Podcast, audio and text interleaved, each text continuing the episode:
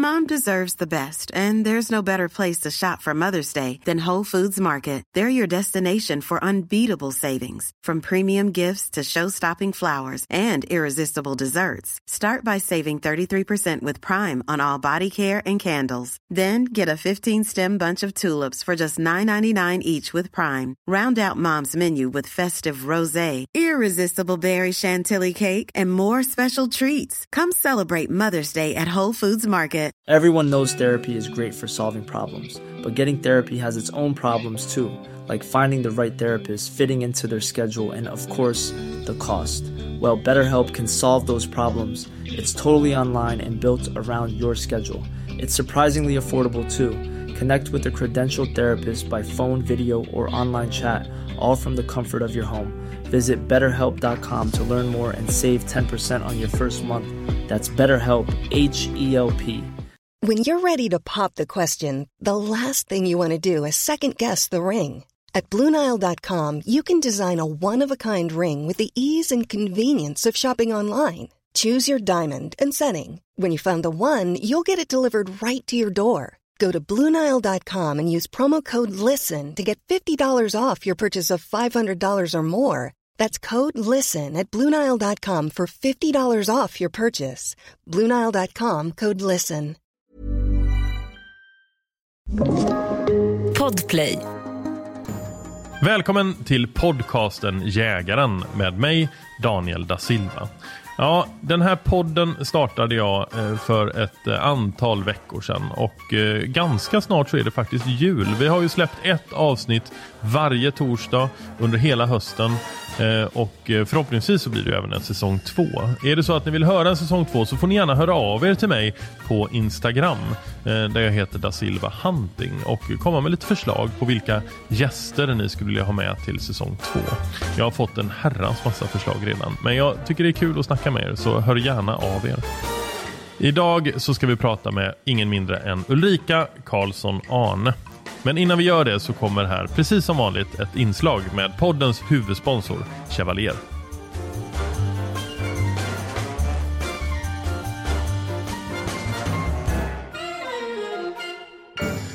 Sådär, då eh, har jag ringt upp Lars Björkman här igen eh, som tidigare var vd i hela 31 år faktiskt på Chevalier. Hej Lars! Hejsan! Hur är läget? Det är alldeles utmärkt, tack. Förut när vi pratade i ett tidigare avsnitt så pratade vi lite grann om hur man klär sig vid, eh, vid godsjakter, eh, både fågeljakt och klövviltsjakt. Men idag så tänkte jag att vi kunde prata lite grann om, om din tid på, på Chevalier. För du, du var ju ägare till Chevalier och eh, satt som vd i 31 år. Och Jag tänkte höra med dig, eh, din, under de här 31 åren, hade du någon stor ambition för, för varumärket och bolaget som du tycker har genomsyrat eh, liksom, både din tid på Chevalier men också hur, hur varumärket är idag? Ja, det kan jag säga att det, har ju, det var ju för det första flera kompanjoner som drev eh, det hela. Jag jobbade väldigt tajt med eh, Lars Elofsson som också var eh, ja, en tidigare eh, ägare då. Mm. Och eh, vi hade väl alltid en ambition eh, att göra att vi, plaggen skulle vara funktionella. Men det som var väldigt viktigt det var att vi också ville addera stil till dem. Mm. Designen eh, skulle alltid vara med i plaggen. Gärna lite rundare former istället för alldeles för kantiga. Och det tror jag att vi, vi satte ganska väl på marknaden och eh, vi eh, hade många, många som uppskattade detta. Mm.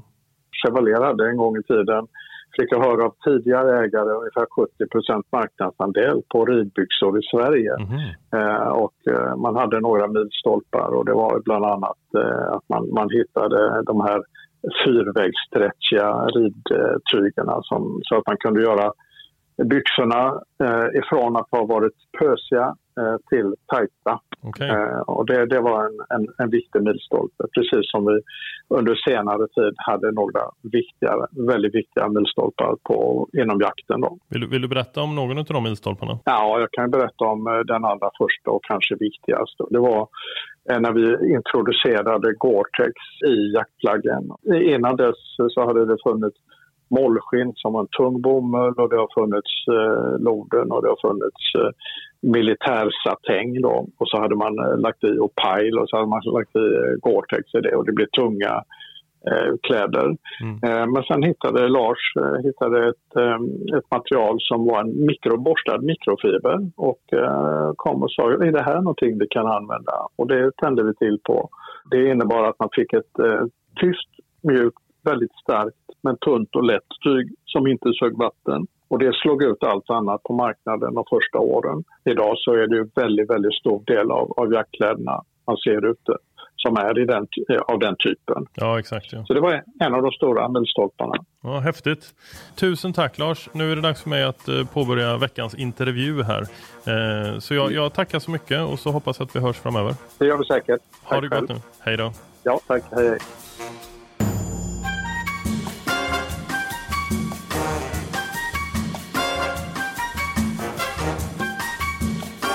Ulrika har en mycket gedigen bakgrund som tv-producent på SVT och arbetar idag med kommunikation och marknadsföring på Svenska Jägareförbundet. Ulrika har en lång erfarenhet inom jakt och 2019 vann hon tävlingen Extreme Huntress i USA. Ulrika jagar inte bara i Sverige utan har rest mycket och upplevt jakt i en mängd olika länder och har med det också skaffat sig kunskap om hur jakt och viltvård faktiskt skiljer sig åt länder emellan. Allt detta kommer vi nu att prata om, eh, där jag får möjlighet att i lugn och ro prata med Ulrika Karlsson Arne. Välkommen hit till podden. Tack så jättemycket. Hur mår du? Ja, det är strålande. Kan inte klaga. Just nu så för lyssnarna då så kan jag berätta att vi sitter hemma hos dig Ulrika. Ja. Eh, och, du blev helt chockad när du klev in och det var bara massa så här skinn och horn överallt. Ja men jag tyckte det var så fint för jag får inte ha det hemma så jag blev lite, lite sotis faktiskt. Nej men det är mina minnen. Ja, ja men det, det, det första jag såg var en, eh, vad var det? Som, eh, en schakal? Ja det var det. Nej, ja. en prärievarg. En prärievarg? En coyote. Ja, en coyote. coyote ja. Schakal kanske inte är... Nej den hängde i trappen där borta ja, så okay, det missar ja. du. Den hängde där. Ja den missade jag faktiskt. Det är klart du hade en sån också. ja såklart. Ja. Nej men galet mycket horn. Eh, det, det, var häftigt och vackert och jag förstår att det är fina minnen. Ja, jo men jag gillar att spara och ta tillvara på grejer. Ja, vad härligt. Jo, då är det ju så att som jag berättade i min lilla introduktion så, så kommer du från, från tv-branschen. Eh, och eh, idag jobbar du med eh, kommunikation och marknadsföring eh, för Jägareförbundet. Ehm, li, lite snabbt bara hur jakten kom in i ditt liv. Ja men det var lite så att när jag var liten och skuttade runt i skogen och plockade bär och svamp så hade jag en längtan till skogen men jag visste inte riktigt vad det var. Ehm, och ingen i min familj jagade så att det var, ja, jag kanske var 27-28 när jag fick hänga med ett par eh, killar ifrån skolan. Gamla skolkompisar ut. Ehm, och de tog med mig på jakt som jag mm. bara wow. Det är ju det här, jag har ju liksom, det här har jag missat, det är ju det här jag gått och längtat efter i 27 års tid. Eh, och då tog jag jägar, jägarexamen, engagerade mig i Jägarförbundet ideellt och sen har det bara rullat på i 20 år. Vad roligt. Ja, det är jättekul. Det var någonting som liksom, det var en pusselbit som bara kom på plats. Mm. Så tror jag många känner faktiskt. Eh, som jag har pratat med. Jag mm. känner så själv också. Jag har alltid haft en eh, Ja men jag trivs, jag, må, jag mår bra när jag är i naturen. Eh, men av olika anledningar så har jag inte varit så mycket de första åren.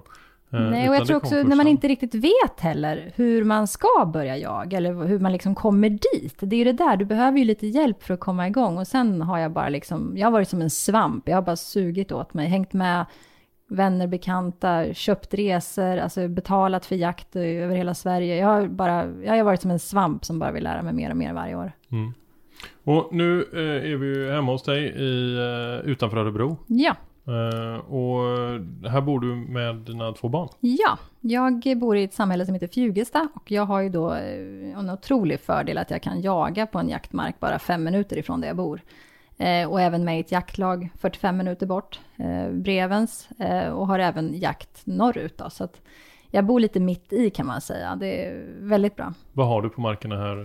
Fem här minuter bort? fem minuter bort så är det ju mina kära rävar som mm. jag gärna jagar. Och sen är det mycket rådjur. Mm. Ehm, och sen har vi ju på Brevens då både dov och kron och vildsvin, älg, eh, rådjur och räv och grävling. Ja, alla viltslag kan man väl säga. Mm. Så det är, jag är lyckligt lottad att kunna ha tillgång till allt det här. Men eh, som alla vet så jaktarrenden är inte helt gratis i viltrika marker, men, men jag prioriterar. Jag gjorde faktiskt en liten undersökning på, på Instagram där jag frågade de som, som följer mig vad, hur långt de hade till, till jaktmarken. Eh, och då var det över 50% hade mer än 45 minuter till sina jaktmarker. Mm, mm. Så det är, det är ganska ovanligt att ha fem minuter. Ja. Sen är det ju många som bor på sina marker. Ja, Eh, och det är ju en, eh, det är en annan, eh, oftast en annan typ av jakt. ja nej, och det är där jag har lite sådär att jag tycker ju föräldrarna var ju lite dåliga som inte håller på med jakt och har en gård på landet, men Ja. eh, man kan inte få allt. Nej.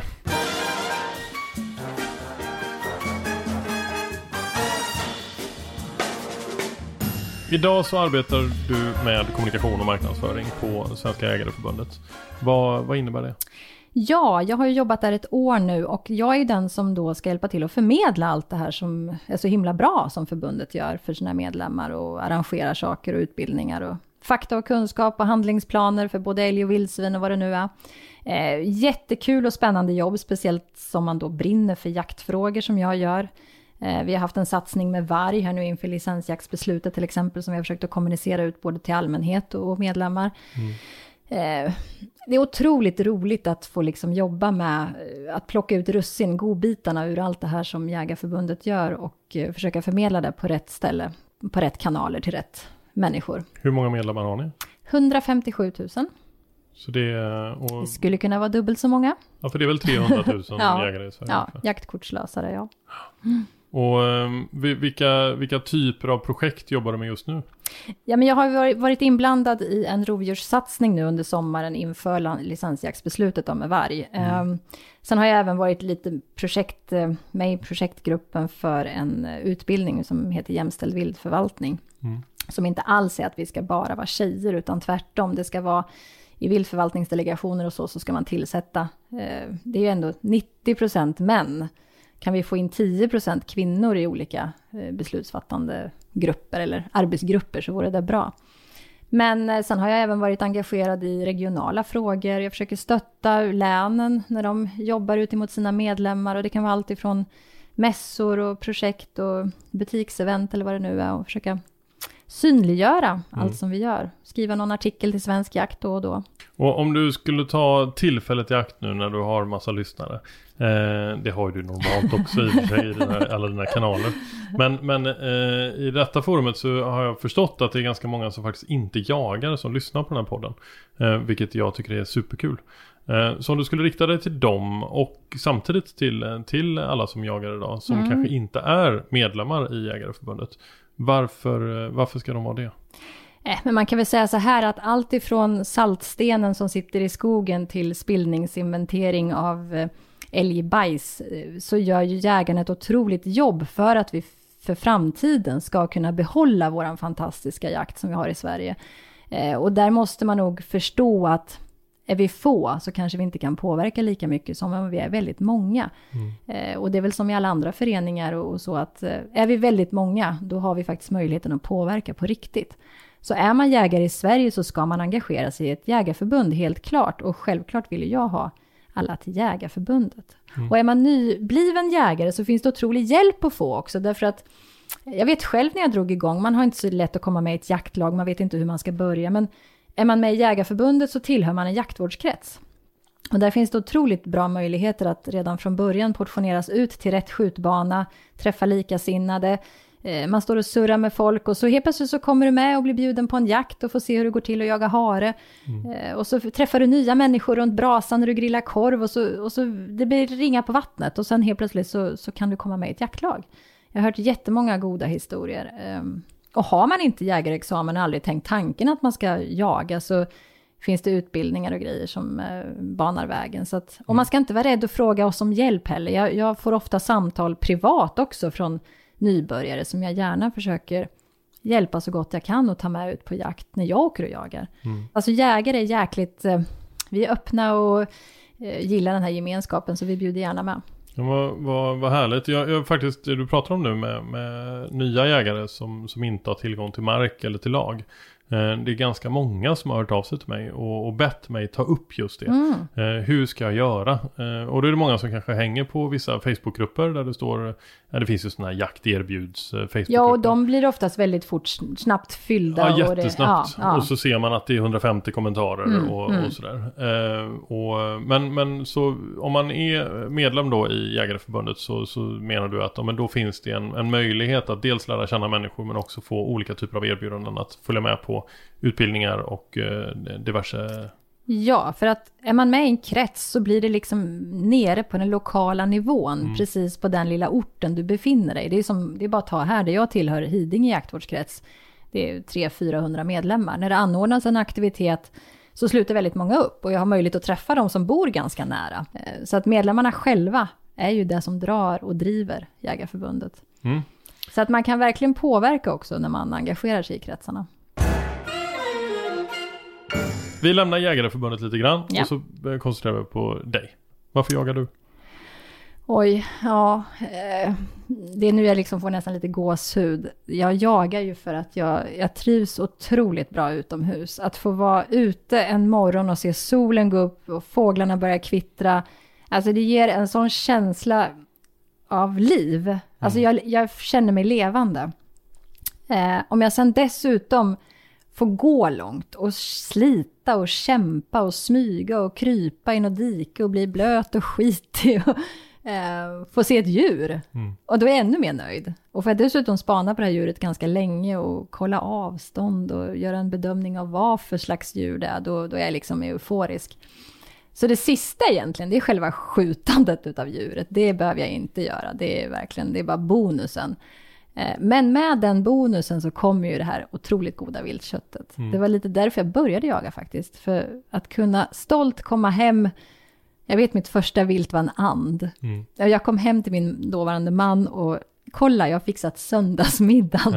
Och han liksom bara, okej, eh, hur ska den där räcka till oss allihopa liksom? Jag var så otroligt stolt. Och den stolta känslan över att vara jägare och kunna ta hand om ett vilt, det, det är lite därför jag jagar såklart. Sen kommer hela den här biten in med att man förvaltar vilt och, och verkligen gör en insats för att vi ska bevara svensk jakt och natur till nästa generation såklart. Men, men själva känslan att vara ute, det är det som driver mig. Jag älskar att vara ute. Jag tycker också det är så häftigt när man är ute på jakt jämfört med om man eh, vandrar i skogen.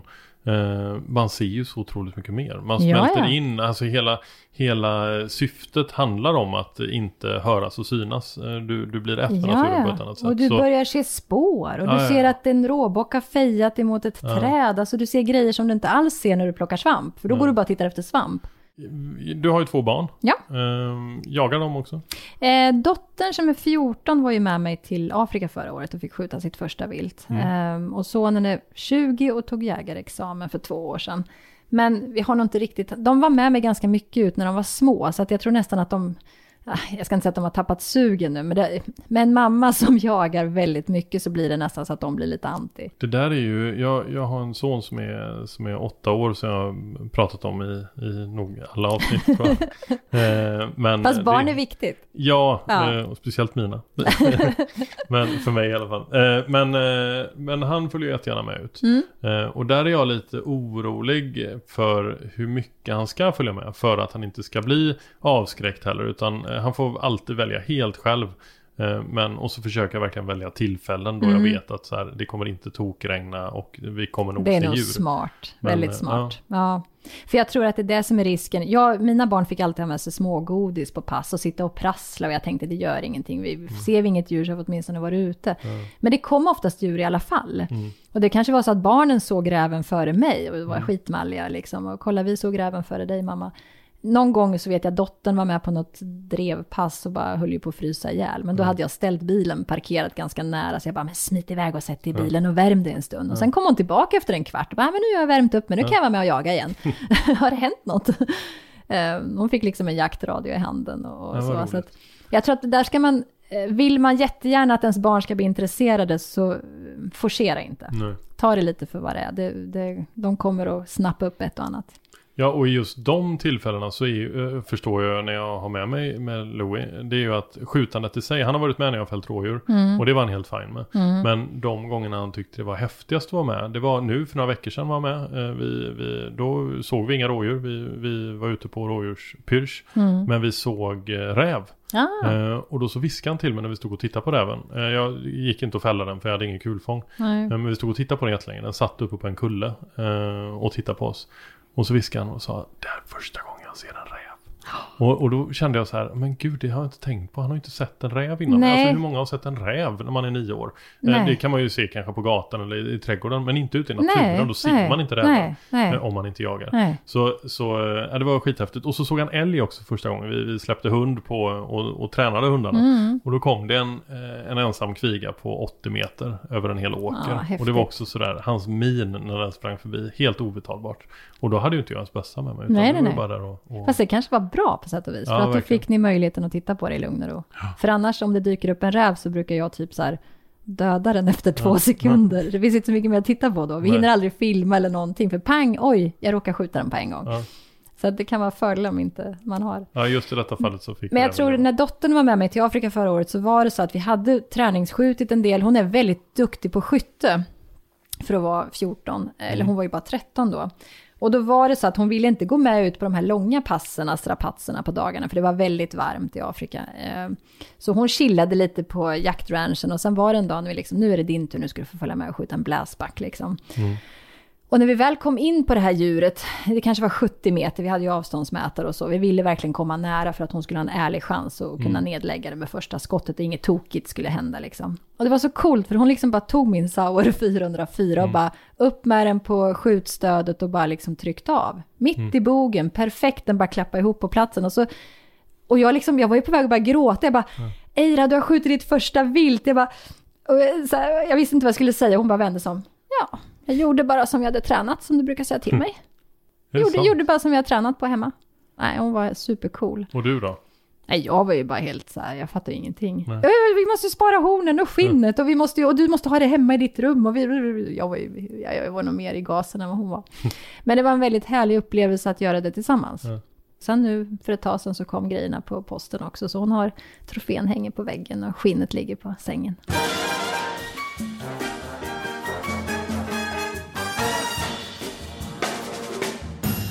Finns det några baksidor med jakt?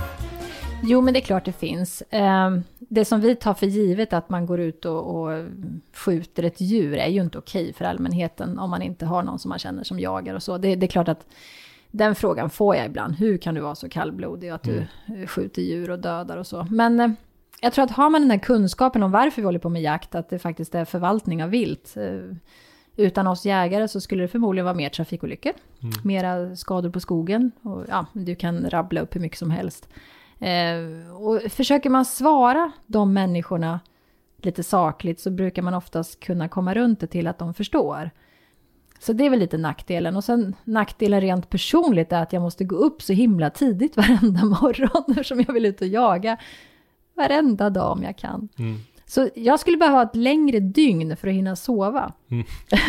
det, är, det är min personliga nackdel. Men eh, ja, så länge man sköter sitt jobb och man hinner ta hand om barnen och laga middag eller vad det nu är som ska göras, eller skjutsas på aktiviteter och så, så väljer jag, jag går inte på gym, eh, jag behöver inte gå till doktorn, jag går inte och träffar någon psykiater, utan jag, de timmarna lägger jag i skogen och smygjagar istället. Då.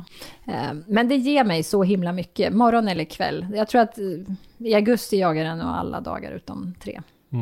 Men du har ju ett stort intresse för, för naturen och skogen. Ja. Eh, och det berättar du att du har haft eh, från att vara liten. Och jag vet att du vandrar mycket också. Ja, jo, men jag älskar, alltså det kan vara allt ifrån dagsturer till längre turer med övernattning i tält och sådär.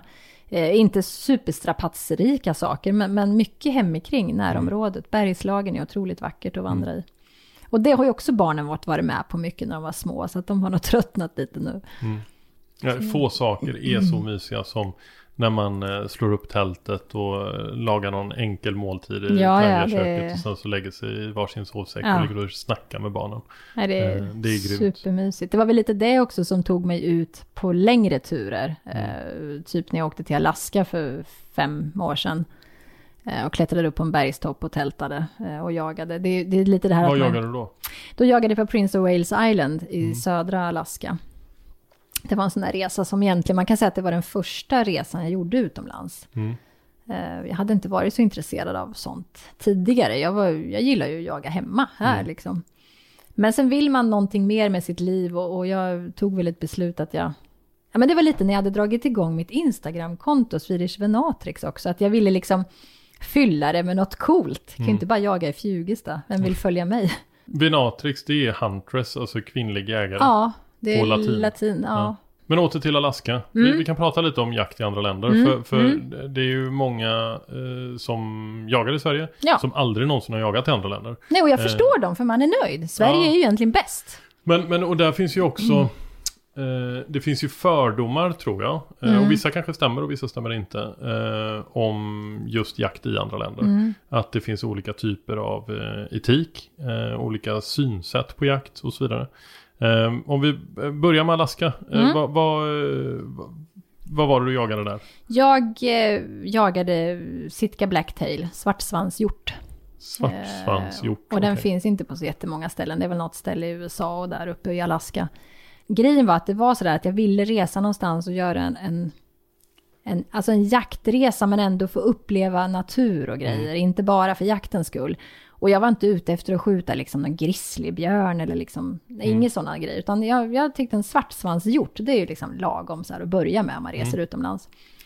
Eh, Men det där blev ju ett betydligt större äventyr än vad jag hade anat. För jag åkte helt själv, jag hade bokat en guide själv och eh, när jag kom dit så insåg jag att det där var lite tuffare än vad jag hade trott. Eh, att ta sig ut till den här ön bara med någon färja och jag åkte någon sån här flygplan som landade på vatten och eh, Men då hade du guiden med dig? Ja, Ja. Han mötte upp mig där ute på den här ön. Ehm, Så jag reste ju hela vägen eh, till Alaska själv då. Ehm, Men det var väldigt spännande för man klättrar upp för ett högt berg, man slår upp tältet, man kollar av omgivningarna och så börjar man se svartbjörnar runt omkring. Och bara, åh, ja just det, det kanske fanns sådana här också. Eh, Så jag hade löst en tag för att jaga den här hjorten då, som jag lyckades få fatt på första dagen. Och då packade vi upp den och så packade vi ihop andra dagen och klättrade ner från berget. Då.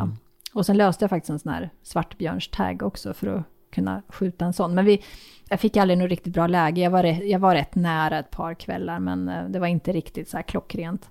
Så Hur mycket svartbjörn finns det? Ja, men där fanns det otroligt mycket. Det var, det var björn överallt. Ja. Eh, men... Är, är man orolig då? Ja, alltså guiden var ju väldigt trygg och bra. Han hade ju liksom jagat där väldigt många år och så. Men eh, jag som aldrig har varit i närheten av en björn, det är klart man blir lite skrajsen. Hur Men- skiljer sig svartbjörnen från våra svenska björnar? Ja, men den är nog ungefär, ungefär lika stor i storleken så. Och sen var det, det var en som sa till mig när jag flög till Alaska att eh, han skojade och sa att om du, om du eh, kommer på en svartbjörn så kan du brottas lite med den. Men om du kommer på en grizzly då är det bara läggas ner och tvärdö. Okej. Okej.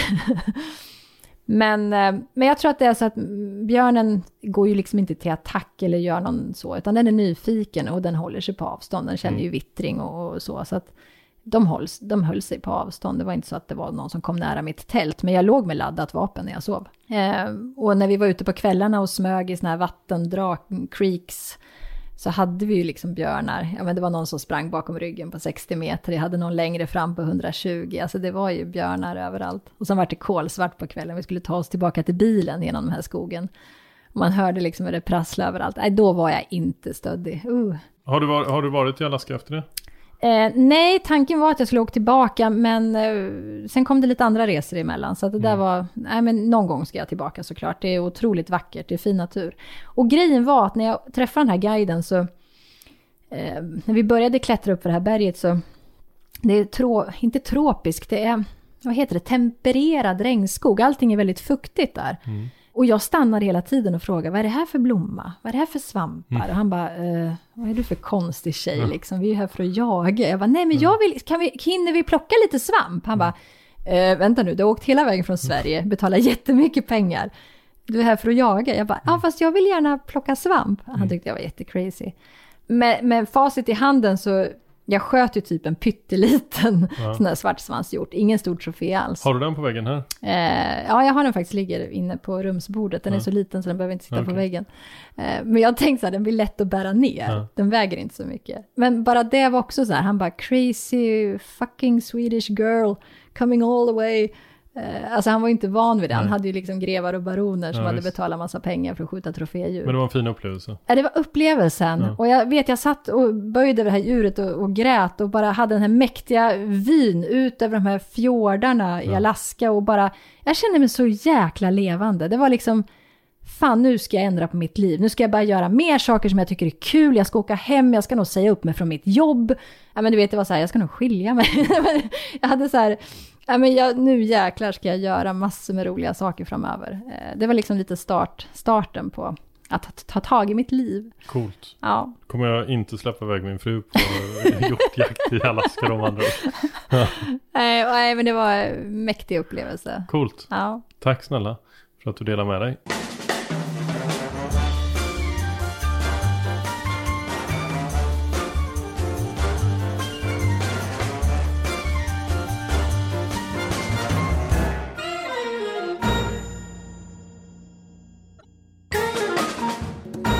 Men du har jagat många älgladdor. Eh, Så ditt äventyr i Alaska är ju inte det enda som är utanför Sveriges gränser. Jag har jagat i England, jag har jagat i Azerbajdzjan, jag har jagat i Afrika, norska Hardangervidda, jag har varit över till Finland. Ja, men jag har hunnit med en del sedan dess. USA har jag jagat i ett par gånger också.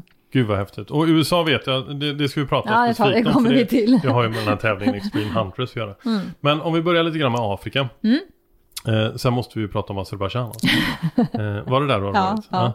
Va, eller fan, vi börjar med det istället. Va, va, Ska vi köra Kaukasusbergen? Ja. Vad va, vad jagade du där? Var det någon stenbock av något slag? ja, östkaukasisk stenbock. Dagestan tur heter den. Mm. Är det sån där jakt när man sitter på hästrygg och... Ja, det, alltså det är ju först är det hästrygg sex timmar upp för berget och sen ska du ju vandra i sex timmar och sen är det ju ja, nästan så du ramlar ner och dör och undrar vad fasiken du gör där. Men äh, jäkla häftig grej faktiskt. Men då bodde man över där i tält? Ja, vi tältade där uppe på de där bergsplatåerna. Hur, hur, eh, hur var eh, biotopen? Vad, hur, var- hur var vädret? Jag åkte mitt i sommaren, juli förra sommaren, förra ja, 2019. Ehm, och då så var det ändå rätt okej. Det låg lite snö uppe på topparna så då. Men och det var ju svinkallt på nätterna. Jag höll på att frysa ihjäl när jag kröp ner i mitt tält där alldeles själv. Jag bara, guiderna, ska vi inte sova ihop? De bara, oh, no, no, no, no, no. Ja, jag fryser. Var det bara du som jagade? Ja, det var bara jag och så hade jag två guider. Ah. Sådana här bergskillar som är uppvuxna och har skuttat runt i de där bergen sedan de var små liksom. Och jag kom ju där och var inte alls vältränad och bara vänta på mig. Eh, och de kunde knappt ingen engelska heller. Vi fick ju typ gestikulera för att prata med varandra. Men det är en otroligt mäktig upplevelse och jag kände att det är en sån här grej som jag vill göra innan jag blir för gammal. Jag är ju rätt gammal vet du, så att jag måste ju skynda mig nu. Du har sagt det flera gånger, så Jag är, jävla 40, gammal är du jag är inte. 47. Ja, det är ju verkligen jättegammalt. Jag måste ju skynda mig att göra sånt där innan jag, inte, innan jag, jag kanske inte orkar sen. Det var ett äventyr från början till slut. Det, det är med livet som insats. Det är så branta partier så du nästan ramlar ner. Alltså den här hästen fick jag ju typ kliva av, släppa fritt. Jag kunde inte ens gå ledaren. Det var så branta branter så att jag, jag hade men full få har du vana att sitta på hästrygg? Nej, jag var hos min eh, bror och hans fru och tränade två gånger innan. Jag red när jag var liten, men Ja. inte sen. Så att absolut inte den vanan. Men du hade Men- en egen häst då? så Ja. Du, ja. Eh, Så att de här hästarna var ju med för att bära lite packning och sen eventuellt skjutet vilt skulle man ju kunna få ner då med kött och allting. Så att man red första halva dagen och sen så gick man och vandrade de här extrema branterna och ledde hästen liksom. I, ja, men den hittade ju typ själv där uppe. Okej. Det var bättre att låta den gå själv och jag hade fullt sjå bara hålla balansen med mina egna små fötter. Hur, hur, när, när såg ni en eh, stenbock första gången då? Det var, vi kom upp sent på kvällen och satte upp våra tält eh, och det drev in dimma och eh, oväder och började åska och blev riktigt så jobbigt faktiskt där uppe. Jag är lite åskrädd också. Eh, men sen på morgonen så, den ena guiden gick ju upp eh, ja, innan gryning då vid fem och klättrade upp för en liten bergstopp. Så, där, så man bara, oj det där kommer ta en hel dag. Men det skuttade han upp på en halvtimme. Eh, och spejade av området och eh, skickade någon signal ner på någon satellittelefon till den andra guiden att eh, det fanns tur i området på en kilometers håll. Så då packade vi i ordning lite snabbt och skuttade upp för den där lilla bergstoppen. Och när jag kom upp till den här toppen, jag var rätt sliten redan då, liksom bara vandringen dagen innan. Eh, och sen den här lilla strapatsen på morgonen. Men så låg jag där bredvid honom bakom det lilla stenröset och spanade ut över de här topparna i Kaukasusbergen. Och så på långt håll såg jag att något rörde sig. Han bara, ah, där är de liksom. Han pekade liksom, han kunde inte så mycket engelska. Eh, och jag bara kände, shit, hur ska vi ta oss dit bort? Det är ju upp och ner för några toppar och det kommer ta mm. hela dagen. Jag kommer inte orka, min kropp bara skrek nej. Mm. Eh, men då tog han fram en sten och så ristade han in 320 i den här stenen. Och så bara, aha, vi, vi ska komma så pass nära. Det trodde han liksom. Jag bara, jag gav tummen upp och sen påbörjade vi vandringen. Eh, och vi lyckades på något sätt komma ifatt två av de här djuren. Som Men fick, fick de eh, nys om er och, och stack nej, iväg? Nej, vi kom rätt i vinden. Ja. Eh, så vi hade dem på andra sidan en bergsravin.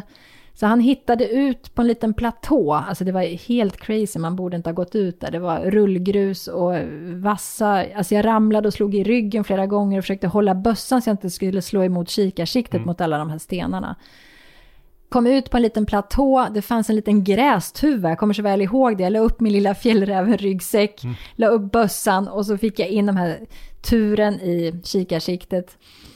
Och så tog jag fram min handkikare och kollade avståndsbedömning och 320 meter. Ja. Och då tänkte jag, han måste fan ha varit på den här platån ja. förut. Eh, men, men, då, men då hade du sånt ballistiskt ton eller hur? Ja, jag har ju tränat jättemycket innan. Jag hade skjutit in med långhållsammunition och ja, jag, ja. jag kör rätt mycket långhållsskytte. Och inför en sån här situation så... Vad hade du för förstoring på kikaren? Eh, jag tror jag hade vanlig 2,3 till 18. För jag ville inte ha för tung kikare att bära på, Nej. så jag tog den som jag... Men då på 320, då drar du upp till 18? Ja, då drar jag upp till 18, ja. Men då är viltet fortfarande lite. ganska litet i ja, siktet, är det inte det? det är ganska litet.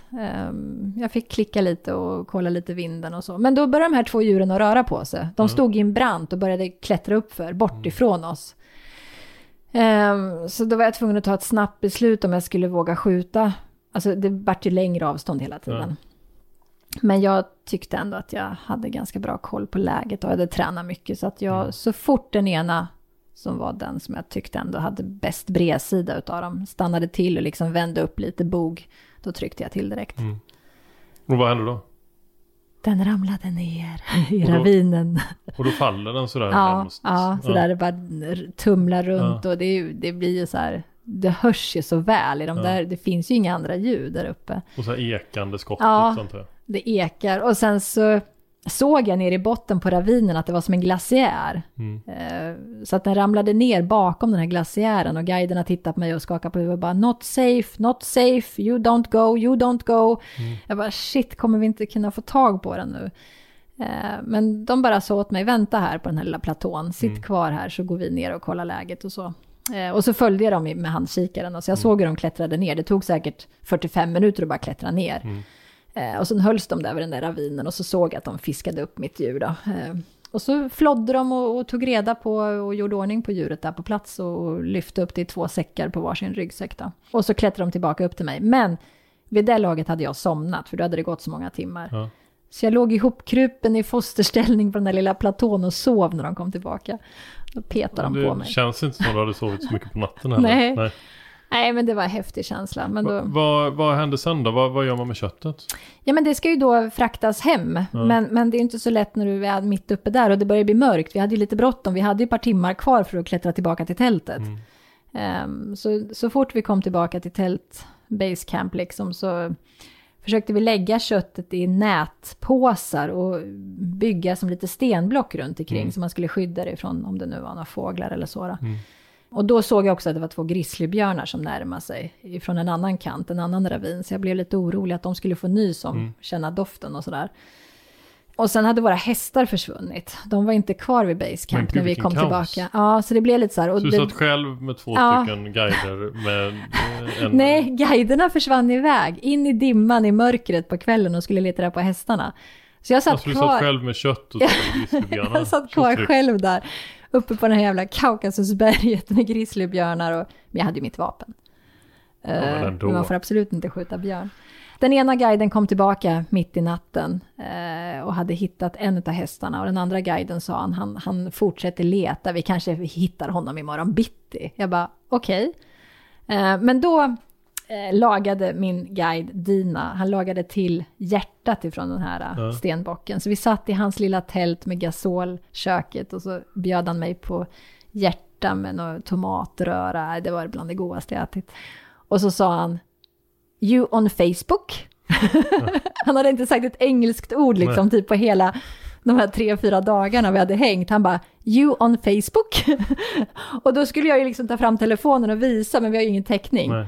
Så jag, jag, skrev ett meddelande så på Facebook typ och tog en skärm, eller på telefonen tog en skärmdump och visade upp honom. Ja, Swedish Venatrix. Så sen dess följer han allt jag gör på Facebook. Är det sant? Mm. Så, ni så vi har kontakt. Ja, vi har kontakt. Ja, vad kul. Nej, det, det är häftigt. Och, och den gick, jag som lyssnade och det är kanske samma med, med de som sitter och lyssnar på detta. Alltså jag vill, jag vill ju dit. Ja, Tills ja, du helt ja. plötsligt var själv med grizzlybjörnarna så kände jag, nej jag ska nog inte dit.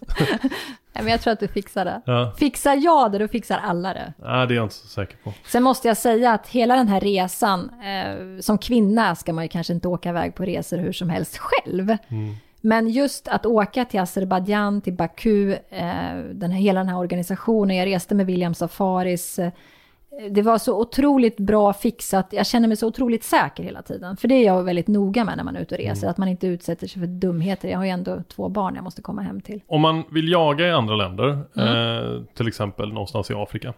Eh, vad tycker du att man bör titta efter eller se upp för kanske när man bokar en resa? Ja, men jag tror att för, för det första så ska man kanske inte hoppa på det som är billigast, för det kan oftast vara att det inte är något seriöst företag. Det kan vara något kryphål där, att det är någonting som inte är i ordning, utan hellre ta kontakt med en firma som ordnar och du vet att det finns ett bra ställe att komma till, en jaktranch och det är ordning och reda på papper, alltså all den här processen innan man åker. Det är mm. jätteviktigt att du har ordning på alla intyg och papper och grejer. Um, sen är det lite huruvida man vill jaga i ett hägn mm. i Sydafrika eller om man vill jaga mer frilevande i andra länder. Uh, det kan ju vara lite att plånboken får styra. Det är klart mm. att det är dyrare att jaga i Zimbabwe mm. eller Zambia eller Tanzania.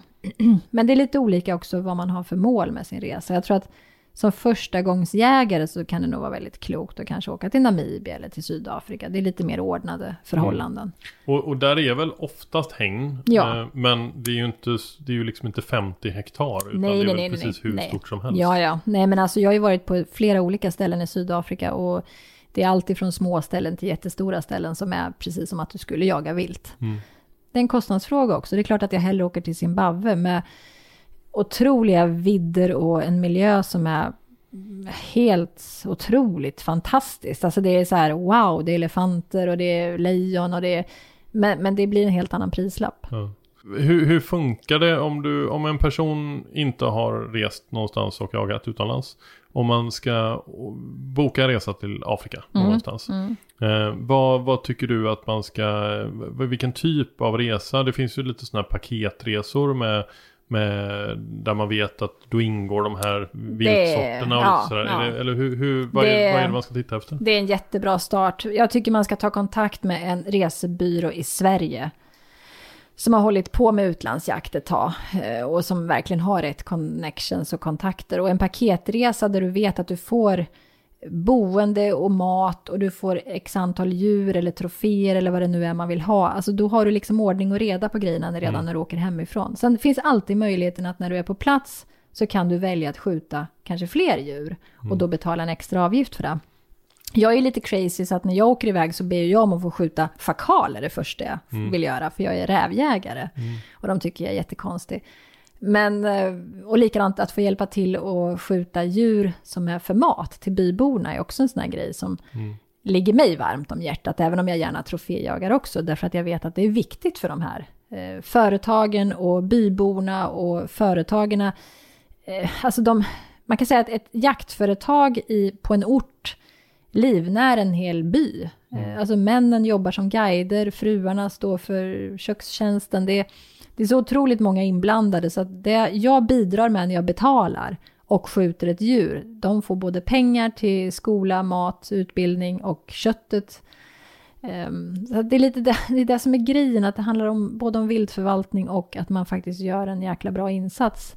Men det är nog många som eh, är vana vid traditionell svensk jakt, som kanske bor på sina marker och liknande, Mm. som tycker att det är väldigt konstigt att det finns en prislista, att man köper ett paket där det ingår åtta djur man ska Mm. fälla. Va, för, förstår du hur de tänker och känner? Oh ja, för jag tänkte samma sak innan Ja. jag åkte första gången. Jag hade jättedålig koll på det där. Jag, för det första så tyckte jag inte man behöver åka till Afrika alls. Varför ska man göra det? Vi har ju världens bästa jakt i Sverige. Men sen när jag åkte första gången och fick liksom förklarat för mig hur det funkar, att om inte jag kommer dit och betalar pengar och skjuter bort de här troféerna, eh, då får inte de in de här stålarna för att göra anti-poaching-system, för att stå emot tjuvjakt. Eh, Det är bara att ta som i Zimbabwe, jag vet att där hade vi ett område där det finns jättemycket elefanter. Mm. Det är så här, oj, vi skulle behöva flytta på hundra elefanter till ett annat land. Ja, hur gör man det? Det går ju inte.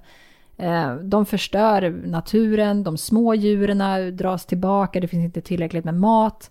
På andra kanten kommer alla lejon och hyener och leoparder in och äter upp de små djuren. Det blir en obalans. Så där vore det jättebra om det kom några jägare och betalade massa pengar och sköt bort ett par elefanter. Och det, här har jag, det här har jag inte tänkt innan jag åkte första gången. Det här har jag fått en helt annan upplevelse nu när jag varit på plats några gånger. Så att, Och det är väl det jag vill förmedla också till de som säger att man ska inte åka iväg och jaga i de här länderna. Jo, tvärtom, de behöver oss. Det, vi gör en otroligt bra insats som, som hjälper till. Så att man får tänka om lite. Men det är viltförvaltning fast på ett annat sätt bara. Sen är ju allt det här köttet så otroligt gott. Alltså, ja, det var någon som frågade mig, hur kan du skjuta en zebra? Det ser ut som en häst. Och jag sa, det är världens godaste kött att grilla. Eh, för det fanns väldigt många zebror där jag var. Så att det var inga konstigheter att skjuta några. För mig är det, är det liksom förvaltningen som är det viktiga. B- bara för att avsluta eh, jakt i andra länder avsnittet. Eh, vad har du kvar? Vad, är det någon, har du någon drömjakt eh, i något annat land som du känner dit måste jag bara? Ja, jag skulle jättegärna vilja jaga på Island. Och jag hade en resa inbokad. Eh, Men på grund av corona nu så fick jag ställa in den. Det är väl en av de där riktigt höjdarjakterna som jag ser fram emot. Att eh, upp på Västfjord och jaga fjällräv. Ah. Det är ju också... Det är inte så himla coolt kanske, men nej, det är nej, jag. Jo, nej, men, det är jag. Eller coolt vet jag inte, men det är ju säkert omdiskuterat kan jag tänka mig. Ja men grejen är att de har ingen rödräv, utan de har problemet med att de måste skjuta mycket fjällräv istället. Jag menar Ulf Lindroth, Ja. han jagar jättemycket rödräv för Ja. att rädda fjällräven. Ja. På Island har de tvärtom, där måste de jaga mycket fjällräv för att de förstör fågelbon och tar eh, Ja. ägg och grejer. Men sen det är klart att mer bergsjakt. Jag har ju varit i Alperna, Alaska och Azerbajdzjan. Det finns ju många flera berg att klättra upp i. Mm. Så att eh, något sånt skulle jag ju såklart vilja göra igen.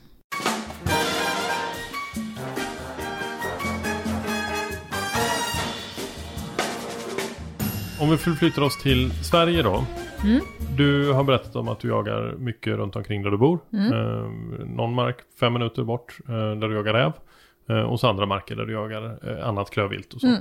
Eh, räv har jag sett på Instagram att du har eh, någon idé i år att du, du lockar inte utan du, du smyger bara.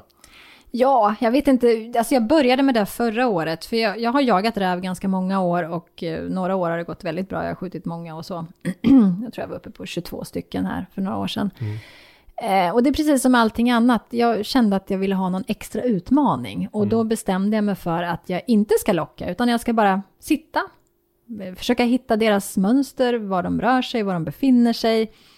Det blir väldigt många morgnar och kvällar när jag inte kan skjuta någonting för att jag bara sitter och väntar och så. Men det, det är för jäkla mysigt när du, alltså du liksom eh, kartlägger eh, rävens livsmönster på något sätt. Och när den väl då kommer fram eh, och du ser den kanske på 300-400 meter och bara avvaktar, kan den komma närmare? Alltså det är en sån otrolig spänning i det momentet som har gjort att jag då har valt bort lockpipan. Och när den då väl vänder upp och kommer emot dig och du får in den på skotthåll så är det för jäkla roligt. Men då är det lite mer också på rävens villkor. Jag låter ju den få en ärlig chans. Jag, men jag, jag tycker absolut inte att det är något fel med att locka, för det har jag också gjort och jag kommer säkert att göra det igen också. Och jag fuskade ju lite här för ett tag sedan och, och jag lockade faktiskt in en räv. Ja, okej. Eh, Ja, jag kunde inte hålla mig. Nej. Jag hade tre rävar i området. Så jag lämnade mitt, mitt ställe där Vad jag satt. lockar du med då? Eh, Klausens Predator Calls Okej. använder jag, den där gula. Den har jag använt i alla år. Och vad, vad, hur låter den? Ja du, det kan inte jag frammana nu, men... men, Ja, men är eh, det, det är inte harskrik utan det är... Jo, men det är lite mer som ett rådjurs, skadat rådjur. Okej. Eh, För jag har kört med... eh, eh, Det är skitsamma vad jag har kört med för jag har inte lyckats. Men jag, jag har kört med harskrik. Mm. Eh, och sen så har jag testat med fågel, alltså skadad fågel. Och muspip. Muspip har jag lyckats med. Mm. Ja, men det verkar men, men det är ju ju- ja. mer så här, fått stopp på dem. Eller eh, fått dem att liksom komma lite närmare. Nej, jag men då försöker har det ju... varit nära. Ja, nej, jag försöker ju låta som en döende rådjurskilling Ja, liksom. Men, ja, men jag... Det var lite kul där med, med det jag berättade om Louie när, han, när vi såg eh, räven. Mm. Då var den på väg ifrån oss eh, och klev upp på den här liksom, stora jordhögen en bit bort. Eh, så jag hade ingen kulfång men då eh, tog jag muspipan och då, då stannade den till. Ja, Eh, och så satt den och tittade på oss. Och den satt och tittade i tio minuter. Så, så hade den bara suttit lite längre ner så hade det varit lugnt. Men Ja, det där var- gick inte att skjuta. nej, nej. Nej, men det är det som är kul med räven, att den är ju ändå, du ska överlista den på något Mm. sätt. Den är, den är en smart varelse. Mm. Vad uppskattar du mest med jakten i Sverige? Ja, men det är väl att vi har så otroligt eh, stor variation. Ifrån norr till söder så kan du egentligen, du kan jaga i berg här också liksom. Du kan gå på fjäll, du kan vara på eh, stora öppna landskap, det finns täta skogar. Det finns otroligt mycket vilt att jaga. Jag har ju turen nu att jag är med i ett jaktlag där det finns det mesta som är jaktbart. Och sen framför allt, jag är så jäkla stolt över att svenska jägare, vi har en etik som är otroligt mycket mer än vad andra länder kanske har. Och säkerhet. Eh, vi är otroligt duktiga på säkerhet också. Och duktiga jägare, kunskapsnivån är hög när det gäller löshundsjakt och vad det nu är. Så att, ja, det finns mycket att vara stolt över att vara svensk.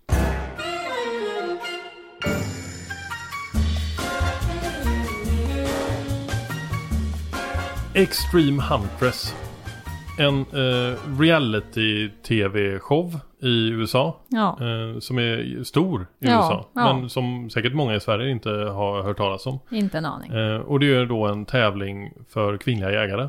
Och den har hållit på i massa säsonger. Mm. Ja. Eh, och du på något sätt kom med där och var med och du lyckades vinna eh, den här tävlingen. Berätta från början, vad, vad är Extreme Huntress för något? Jo men grejen är så här att eh, för några år sedan så såg jag att de sökte till, ja det, hade väl, det var väl dags för års, årgång 10 att de skulle köra en, en sån här Extreme Huntress igen då. Och jag tänkte det vore jäkla coolt att vara med i det där, eh, bara för att vi har den här kunskapen i Sverige som är jäkla gångbar. Och jag visste också att det fanns en svensk tjej som vann den där fyra år tidigare. Okej. Erika Bergmark.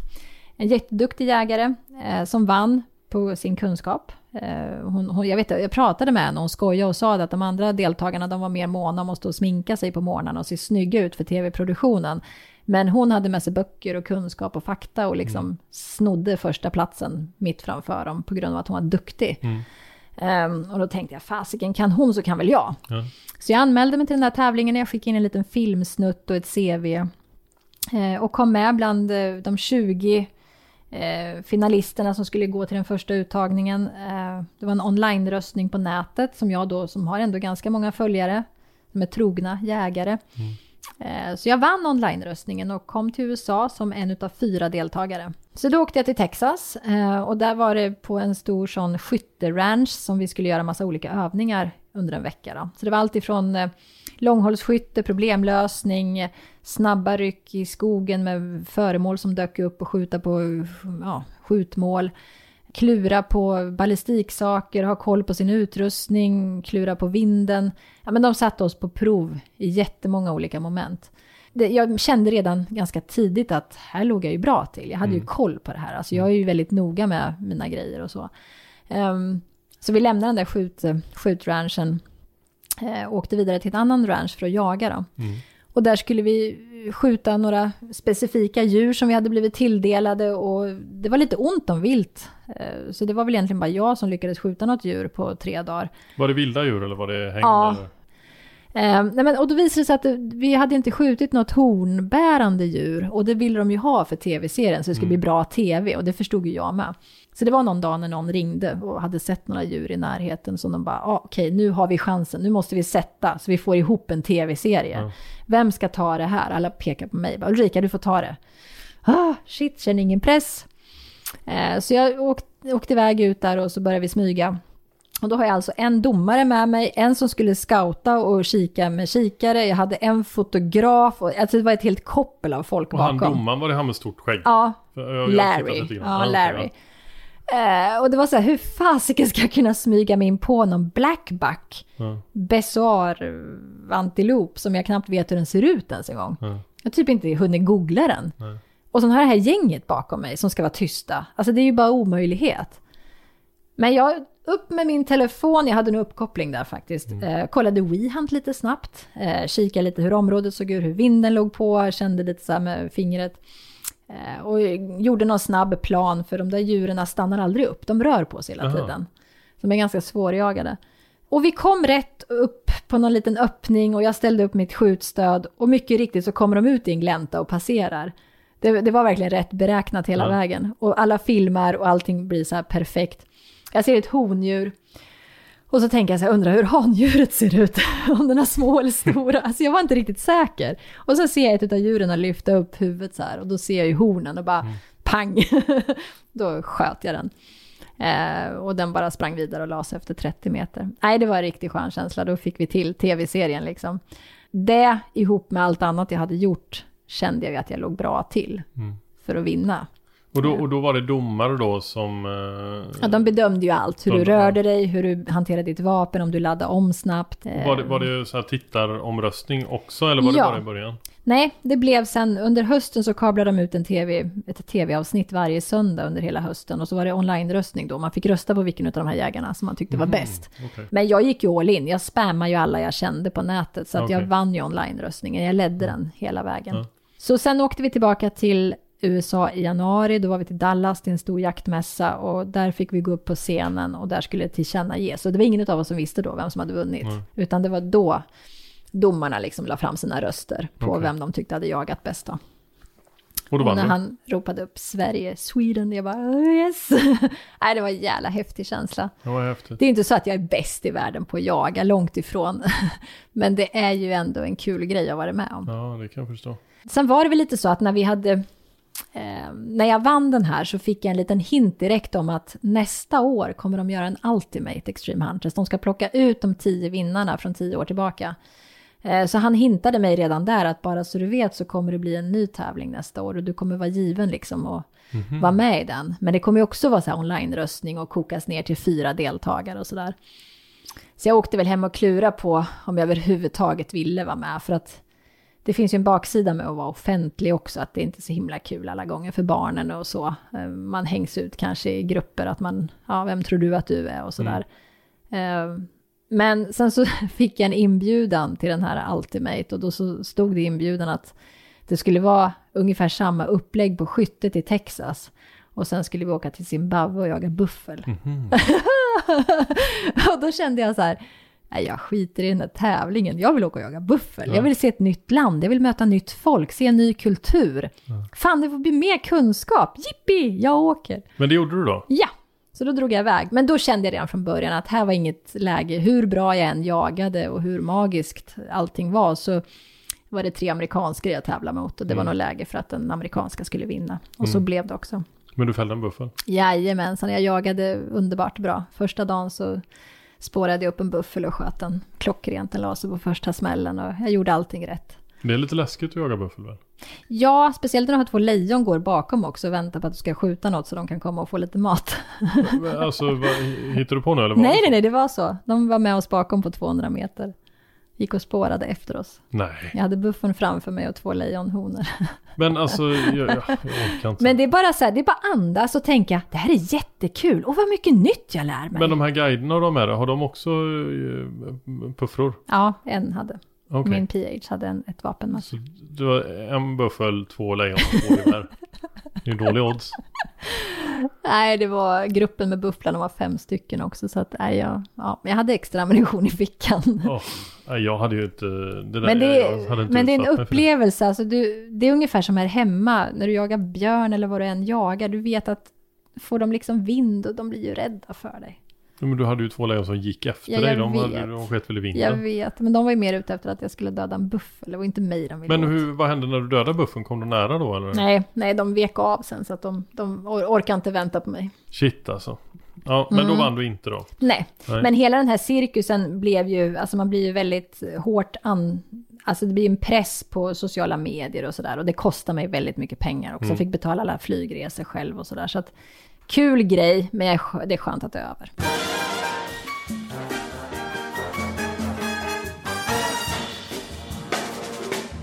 Jag skulle vilja prata lite om jämställdhet. Mm. Eh, och eh, när man tittar på mätningar och undersökningar så verkar det ju som att antalet kvinnor eh, som söker sig till jakt ökar, vilket ju är superkul. Men varför tror du att det är så? Nej, men jag tror att det hände någonting för några år sedan. Det, det blev fler som engagerade sig att vara ute i skogen. Dels så finns det väldigt många kvinnor som håller på med hundar. Jag ser ju bara på kvinnor i min ålder som barnen har flugit ut och de har lite mer tid över och man vill vistas utomhus och man kanske spelar golf på sommaren och så är det perfekt att hålla på med lite jakt på vintern. Ehm, och sen är det ju, samhället ser ju ut så idag att vi behöver inte ha en kvinna hemma vid spisen utan man har faktiskt ett eget liv och kan göra vad man vill. Och, och jag tror många förhållanden också, det är många som jagar tillsammans, män och kvinnor, att man har det som en grej, att man är ute tillsammans med familjen. Ehm, så jag tycker det är jättekul att fler kvinnor börjar att jaga. Eh, Det behövs. Vi har, vad är det idag, 10 procent av jägarna som är kvinnor och vi skulle kunna vara betydligt fler. Ehm, Så att jag tror jämställdheten är väl egentligen att, man, att vi bara är de vi är idag och att fler kommer igång såklart. Ehm, sen finns det de här äh, olika vägarna när man kommer som ny kvinna in i jakten, att man kan vara med i olika tjejgrupper eller så, men jag skulle ju se på sikt att man integreras, det måste ju vara målet att vi gör det tillsammans. Ehm, för hur det än är så i ett jaktlag har man ett par kvinnor med, det blir ju en bättre gruppdynamik, det blir bättre problemlösning, det blir en god stämning, det blir, det blir väldigt bra. Så att för mig är jämställdheten att vi, att vi puttas in Om du skulle titta på under den perioden du har jagat eh, under 20 års tid ungefär.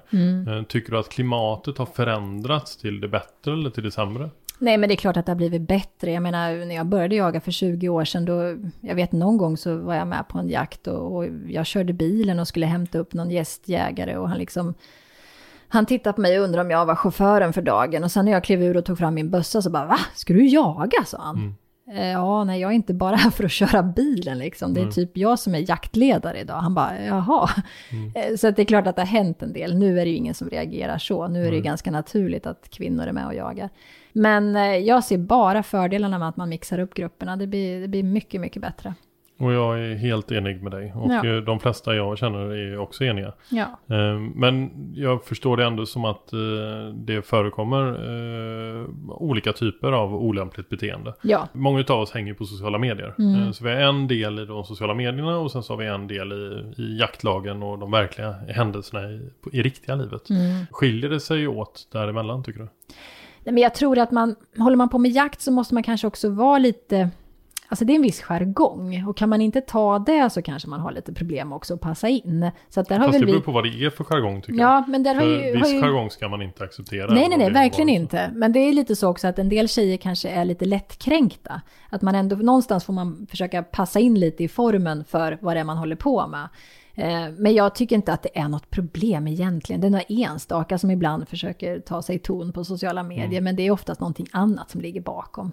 Eh, Så att, nej, Hur, hur tycker du att vi ska agera tillsammans då? Både män och kvinnor för att vi ska arbeta för att skapa ännu mer jämställdhet inom jakt? Nej, men jag tror att det handlar om kunskap. Det är ju det. Alltså har vi koll på läget och vet vad vi håller på med, vi skaffar oss kunskap om det vi ska göra, då är det liksom ingen snack om saken. Då kan man inte välja bort en eller någon annan på grund av det. Eh, och lite så brukar jag säga också till sådana som kommer in nya i jakten, att som ny kan man inte kunna allting, tvärtom. Man lär sig någonting nytt varenda gång jag är ute och jagar, så lär jag mig någonting nytt. Det är ju liksom själva tjusningen. Och då är det jätteviktigt att man delar med sig av det. Och sen tror jag att de här diskussionerna som blir ibland att ja men jag är sån här tjejjakter och tjejgäng och ja, fast det är bara en trygghet för de här kvinnorna att komma igång. De vill ju också ut i jaktlag med sina gubbar sen, självklart. Men de behöver den där lite startsträckan och vara på en skjutbana i lugn och ro och få göra lite fel och lära sig att ladda och greja utan att någon står och tittar över axeln. Ehm, och så kanske man kan tänka sig för att är det någon nybörjartjej som är med och jagar så bör man liksom inte det första man gör ropa på radion, vad sköt du inte för? Eh, man kan hålla inne med sådana kommentarer. Det är sådana enkla grejer för att liksom tillsammans. Ä- Även till nya män. Ja, ja, ja, oh, ja. Eh, exakt, exakt. Jag har inte varit i ett annat forum där det är eh, enligt många då som har hållit på länge eh, så finns det en otrolig skepsism mot de nya. Eh, Istället för att omfamna nya och Mm, Ja, säga och "Fan, vad hjälpa kul att dem. du också Ja, tycker att detta är Vi roligt. blir ju fler. Nu, nu, nu hjälps vi åt så Ja, att vi ja. har gemensam kunskap. Ja. Men att man inte eh, själv då får klassa sig som jägare innan man har jagat i 20 år och sådär. Det finns inget annat forum jag har varit i som är så. Men jag, jag hjälper gärna till och puttar igång nya. Det Mm. brinner jag verkligen för.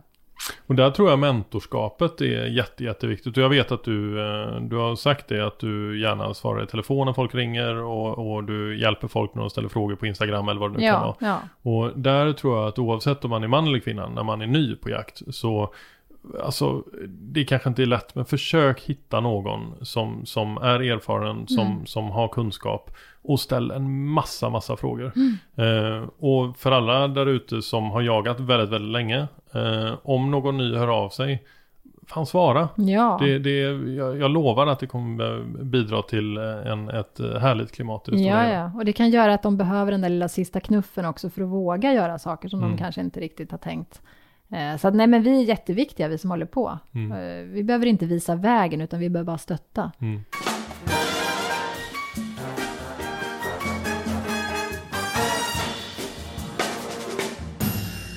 Men de flesta gäster så brukar vi prata lite prylar också. Ja. Eh, och det var ju ett avsnitt som vi inte gjorde det och då fick jag ju direkt eh, eh, människor som hörde av sig. Varför berättar du inte, varför frågar du inte vad han hade i sitt vapenskåp? Eh, så det måste jag ju fråga dig såklart. Vad har du i ditt vapenskåp? Oj, oj, oj. Ehm, Jag har en Sauer 404, jag har en Sauer 101, ehm, jag har en Hagel Cesar Guerini, vad har du för kaliber? kaliber 308. Ja. Eh, Jag har en Saco 85 Hunter i kaliber 3006. Jag har en Merkel-kombi Men det, det går så snabbt här nu. Det, jag, jag hänger inte med. 757. Jag, jag, jag kan inte allting. Ta det lugnt nu. Vi börjar med dina klass 1-bössor. Du har Ja. en Sauer 404 och En 101. Sauer 101 och, Och en Saco 85 Hunter. Och va, va, varför har du båda två? Därför att jag har ju olika kikarsikten och sådär för olika sorters jakt. Jo, men man kan ju byta kikarsikte istället för att byta Ja, fast jag är lite nördig, då måste jag skjuta in emellan och sådär. Jag byter Ah. inte kikarsikte med snabbfästen och sen bara åker iväg och jagar. Jag vill gärna slå en smäll på skjutbanan och se så att det verkligen går rätt. Men Ja. jag är lite så, i och med att jag håller på med mycket långhållsskytte så är det ju på, det är ju inte liksom, det handlar ju inte om att det ska ta lite mitt i, utan jag vill ju vara precis. Ja. Sen är det väl lite det också att, ja, ibland så behöver jag ta med ett extra vapen ifall någon vill låna på Ja. skjutbana eller barnen så då. Mm. Ehm, så att, nej, det jag tycker det är bra. Och sen om det skulle hända någonting, man måste ju ha en backup. ja, det är ju väldigt smart. Vi- Alltså, du, du, du är klok. Och sen är en i träkolv och den kan man ju inte bara ha ute när det är tråkigt väder. Då tar man en andra med karbon. Och, nej, men lite sådär. Helt rimligt. Mm. Ja. Eh, och sen så på ha, eller, Hagel. Mm. Hagel, ja. Då har jag en Cesar Guerini. Eh, och sen har jag en Sauer, en Artemis, en Hagel Mhm. också. Är det någon side by side där eller är det bock, Nej, bockar. bockar. Mm. Och sen har jag ett eh, kombivapen, en Merkel, de är 757 och Hagel 12. Hur ofta jagar du med den? Jag gjorde det mer förr faktiskt, när jag jagade mera, alltså den här allmogejakten, du vet, Ja. du står och väntar på att det kanske inte händer någonting och så kommer det något rådjur skuttandes eller en räv. Och då kände jag att det var otroligt bra att istället för att bara stå med en hagelbössa och så kom det något ute lite som sträckte ut några meter och kunna komma åt det. Men eh, nu jagar jag mestadels på en jaktmark där vi har vildsvin, kron, dov, alltså då måste du ha klass 1. Mm. Eh, och då hjälper det inte att stå med någon kombi med den där hagelpipan. Det är Nej. bara dumt. Utan då kör jag klass 1-vapen. Och sen tror jag att min Sauer 404 är den också som är... Eh, den har jag liksom inställt för lite långhåll och den jagar jag mest räv med. Då. Mm. Vilka avstånd, eh, hur, hur långt skjuter du på? Skjuter du på 300 meter? Ja, ja, det gör Jaha, jag okej, typ var och varannan dag. Ja, Okej. Nej då, men, men, men den sista räven sköt jag på 215 meter. Ehm, men jag har ju träningsskjutit en hel del. Ja, 5, 6, 700 meter. Jag har skjutit upp till 1000 meter. Vad har du för sikte då? Eh, då hade jag ju min eh, 2,3 till 18. Herregud, det måste ju vara svinlitet. Ja, men det... För jag tycker, jag har, jag har gång, jag har 12 på Mm, min, 2 till mm, 12. Mm. Eh, Ja, 12 har jag nu. Det sköt jag räven med. Men då är den ju ganska liten. Ja, då är den liten alltså. Men har du koll på läget och har räknat ut dina exakta klick och Ja. kollar vinden och där, då, då går det bra. Ja. Men det är ett fint vapenskåp. Ja, det, det... Jag har jobbat hårt för att få ihop till det där. Har du någon sån där pryl som du drömmer om? Ja, nu skulle jag faktiskt vilja ha ett termiskt eh, sånt kikarsikte. För jag jagar väldigt mycket vildsvin. Och som nu i sommar när man har suttit ute mitt i nätterna och jag inser att hade jag haft ett sånt så är det klart att det är lättare att Ja. eh, plocka med sig Men då är det vildsvinet ett, hem. ett termiskt och inte ett IR-sikte. Alltså jag kan känna så här, har du ett värmesikte? Mm. Fine, men du vill ju kunna se djuret som det ser ut också. Ja. Och plus att du, eller de riktigt eh, vassa, Mm. de här svindyra som kostar 50-60 tusen. Där kan du väl också ganska bra se eh, naturen runt omkring. Ja, ja. Men de lite billiga termiska, då ser du egentligen bara djuret. Ja. Då kan det ju vara massa gräs och skit framför. Ja, exakt. Ja, och du kanske inte ser om det liksom, ja, nu har du ju inte vildsvin några horn så du behöver inte tänka på Nej. det. Men det är ändå så här, man vill ändå se liksom att det där man, Mm. djuret man skjuter på på något sätt. Alltså dragna spenar, ser man det på ett värme? Jag vet inte. Ja. Va, Är Men- du inte sugen på en, jag själv är ju extremt sugen på en Kiplauf. Aha. En sån eh, enskottsbössa, brytvapen. Mm. Bara för att jag tycker att det är liksom eh, Bara för att jag tycker att det verkar vara eh, så fint. Och alltså det, det är så klassiskt på något sätt att Jo, smyga vet. omkring med en sån. Och så vet man att man har, visst man kan ladda om men det tar lite tid men, Mm. men skottet ska sitta bra. Eh, Pyrscha rådjur med en. Det Ja. hade varit nice tycker jag. Men jag tror att också med åldern så kommer det här mer att jag vill ha sköna långkalsonger. Jag, det är så mycket annat som spelar in nu. Alltså det är så här, jag vill inte frysa, jag, jag vill ha liksom bra på fötterna, jag vill... eh, Men du får rätt många eh, långkalsonger för en Kiplauf. så det är bra. jag vet. Ja, du kommer vara Jag varm. vet, jag vet. Och sen, jag gillar verkligen prylar och jag är lite nördig. Så jag har ju massa olika jaktradios och, och kniv, knivar. Jag älskar knivar. Ja. Jag har ju väldigt många, mycket, mycket knivar. Alltså jaktlaget skrattar ju åt mig, för som häromdagen när jag hade skjutit en dovkalv, ja i förrgår, så stod jag ju där och då var ju typ min kniv lite slö. Ja, för jag har ju skjutit ett djur dagarna innan och dagarna innan, så det är därför den blir slö. De andra gubbarna, de har ju typ inte skjutit på länge, så de har ju vassa knivar. Men eh, nej, men någon slags värmetermiskt kikarsikte där kanske får bli nästa grej. Avståndsmätare, avståndsmätare har jag faktiskt haft på min handkikare de senaste fyra fem åren och det är outstanding. Vad har du för kikare? Jag har en Swarovski och en Zeiss. Och Är det Swarovski med... eh, Ja, L-range med, Det, det är ju Avstånd. en uh, håll käften-kikare. ja, och Zeiss har jag också den med avståndsbedömning. Ja, du har två. Ja. Ja, Okej, ja, ifall en går sönder är det bra att ha backup. herregud. Ja. Nej, Jag har en Kales Helia. Eh, Det är budgetvarianten. Det är men bra. den är fortfarande väldigt, väldigt bra. bra. Mm, mm. Eh, ja, men just avståndsmätare i kikaren. eh, det är av Ja men det är det första jag investeringen gör när jag kommer ut på ett pass. Jag kollar alltid av avståndet bort till Mm. skogsbrynet, till diket, till grannmark. Alltså jag kollar av. Sen när det kommer ett vilt, då behöver du inte tänka på det. Du vet precis. Ja men där var det 120, där är det 200. Och där var det 350, ja men då ska vi inte skjuta. Mm. Nej. Så att jag, den, den bedömningen gör jag direkt när jag kommer ut på pass. Mm.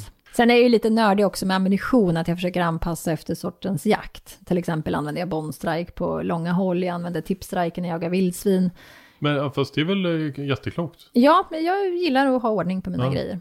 Och hur tycker du där då? Använder du Normas eh, Ja. Mm. sortiment? Ja. Ehm, Jag har eh, precis börjat jaga med tipstrike eh, på just drevjakt för att jag ville ha en lite blötare kula. Mm. Ehm, Jo, men djuren blir ju kvar på plats. ja. Och det tycker jag är, det är väl så vi ska tänka när vi jagar. Det må förstöra tre köttbullar, men eh, det är det värt. Djuret blir kvar på plats. vi, eh, vi, låter, vi låter det vara det sista i den här podden tror jag. Ja, Tusen tack för att jag fick prata med dig. Tack själv. Och tack för att du bjöd, eh, bjöd in mig så att jag fick sitta här i ditt kök och snacka jakt. Ja, Underbart. det Vad har- borde vi göra oftare. Ja, faktiskt. faktiskt. Vi får se, blir det en säsong två så kanske jag dyker upp igen. Mm. Ha det bra så länge nu. Tack. Hej då. Hej. Och som vanligt, tusen tack till alla er som lyssnar på den här podden. Det är så himla härligt att ni gör det. Det blir så mycket roligare eh, för mig att jobba med detta då.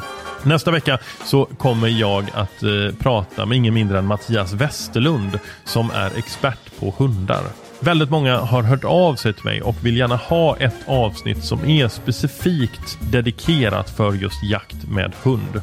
Och om det är någon som eh, kan typ allt om hur man dresserar hundar, hur man jobbar med hundar, hur man jagar med hundar, så är det Mattias Westerlund.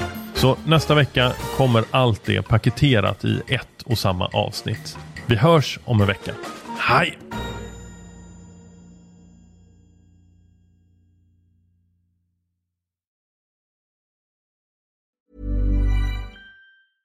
Planning for your next trip? Elevate your travel style with Quince. Quince has all the jet setting essentials you'll want for your next getaway, like European linen, premium luggage options, buttery soft Italian leather bags, and so much more. And is all priced at 50 to 80% less than similar brands. Plus, Quince only works with factories that use safe and ethical manufacturing practices. Pack your bags with high-quality essentials you'll be wearing for vacations to come with Quince. Go to quince.com/pack for free shipping and 365-day returns.